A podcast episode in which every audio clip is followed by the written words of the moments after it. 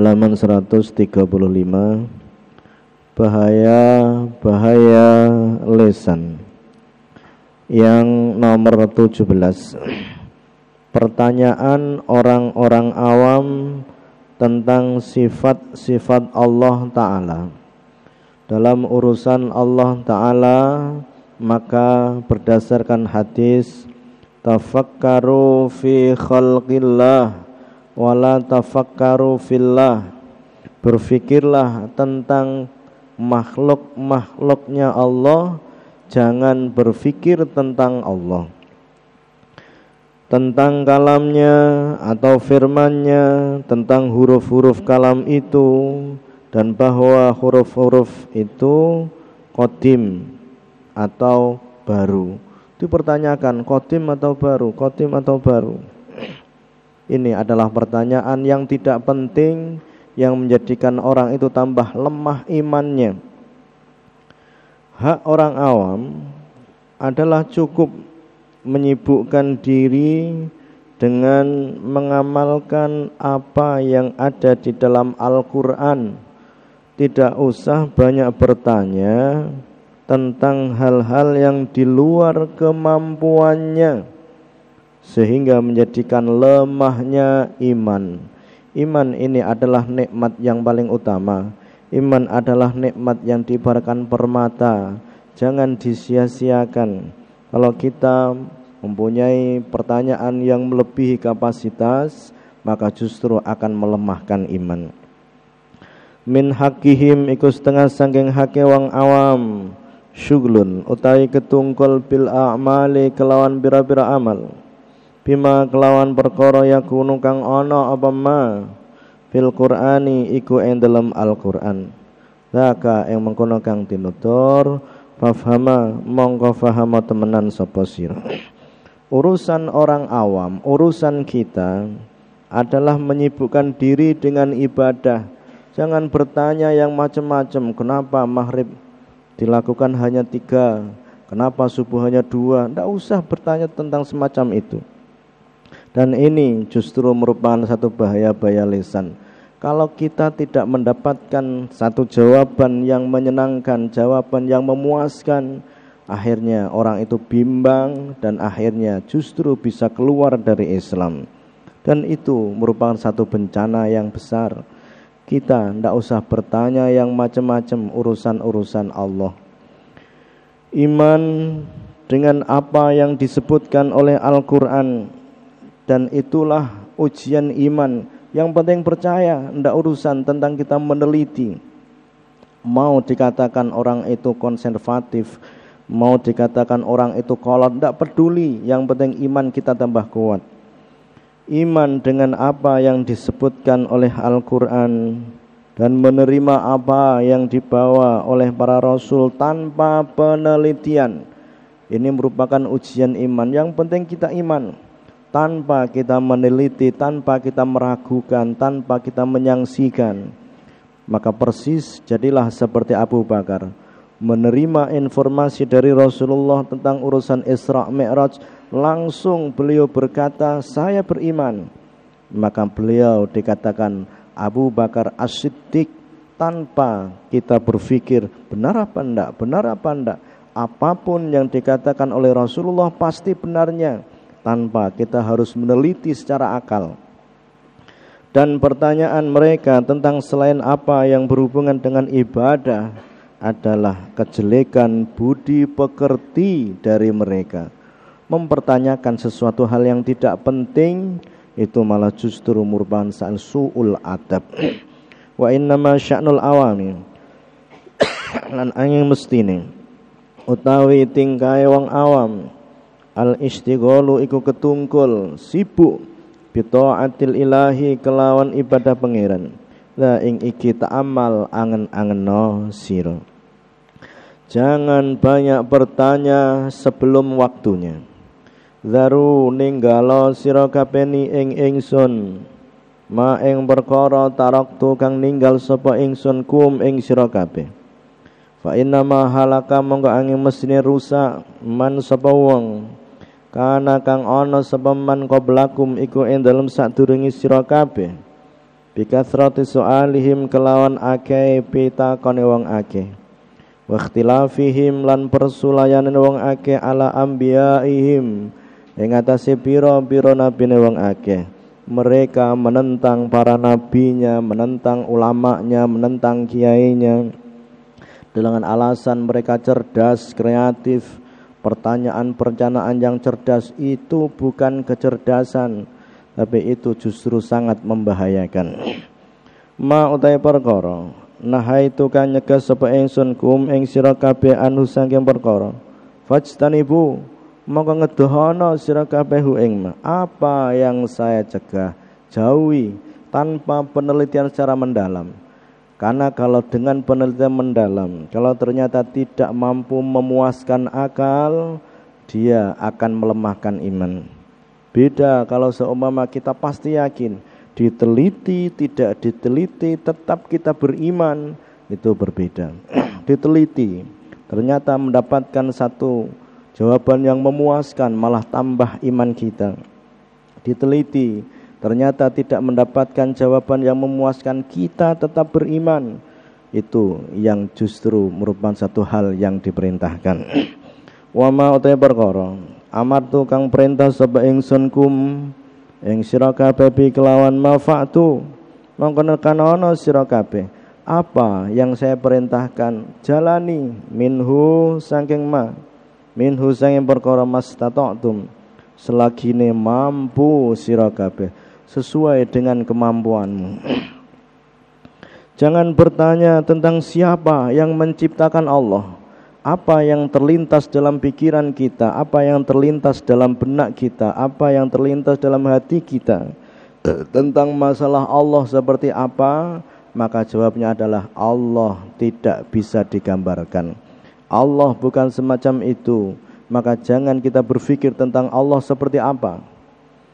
Yushiku meh-meh. Annasu sapa menungso. Yatasa aluna ikut takon takonan sepenas Mereka bertanya Katanya mereka cerdas Bertanya bertanya terus terusan Hatta yakulu sehingga ngucap sepa menungso Qad khalaqo Teman-teman nyiptaake Allahu sin Allah al khalqa menungso Ini ilmu filsafat yang menyesatkan Bertanya tentang Allah Jangan kita bertanya tentang masalah-masalah Allah. Faman mongko utai sapa? Khalaqa iku nyiptakake sapa man Allah ing Allah. Mereka bertanya, Allah menciptakan makhluk. Pertanyaan terakhir, siapa yang menciptakan Allah? Fa idza qalu mongko ing dalem nalikane ngucap Zalika yang mengkono pertanyaan fakulu mongko ngucap sira kabeh. Qul huwallahu ahad. Allahus samad. Lam yalid wa lam yulad wa lam yakul lahu kufuwan ahad. Qul ngucap sira. Wa utai kelakuan Allahu iku Allah. Allah utai Allah ahadun iku zat kang suci Allah utai Allah as-samad iku zat kang disejo lam yalid. Ora mutraake sinten Allah walam yulat lan ora diputraake sinten Allah. Walam yakun lahu kufuwan ahadun. Walam yakun lan ora ana lahu marang Allah kufuwan iku wong kang madani ahadun sapa wong suwiji. Hatta takhtimu sehingga ngatamake sira kabeh as-surata ing iki surah. Thumma lihat full mangko nuli becik ngidu ahadukum sapa salah sira kabeh? Ansaraan yasarihi saking arah kiwane ahad salasan kelawan kaping telu. Wal yasta'id lan becik njaluk pangreksa sapa man billahi kelawan Allah minasyaitani sange setan rajimi kang dilaknat. Kalau orang sudah pertanyaannya menyimpang semacam itu sampai kepada siapa yang menciptakan Allah? Maka jawab qul huwallahu ahad Allahus samad. Lam yalid walam yulad walam yakul lahu kufuwan ahad. Maka berludahlah meludahlah ke arah kiri tiga kali. Membacalah a'udzubillahi minasyaitonirrajim kisah Nabi Musa dan Nabi Khidir.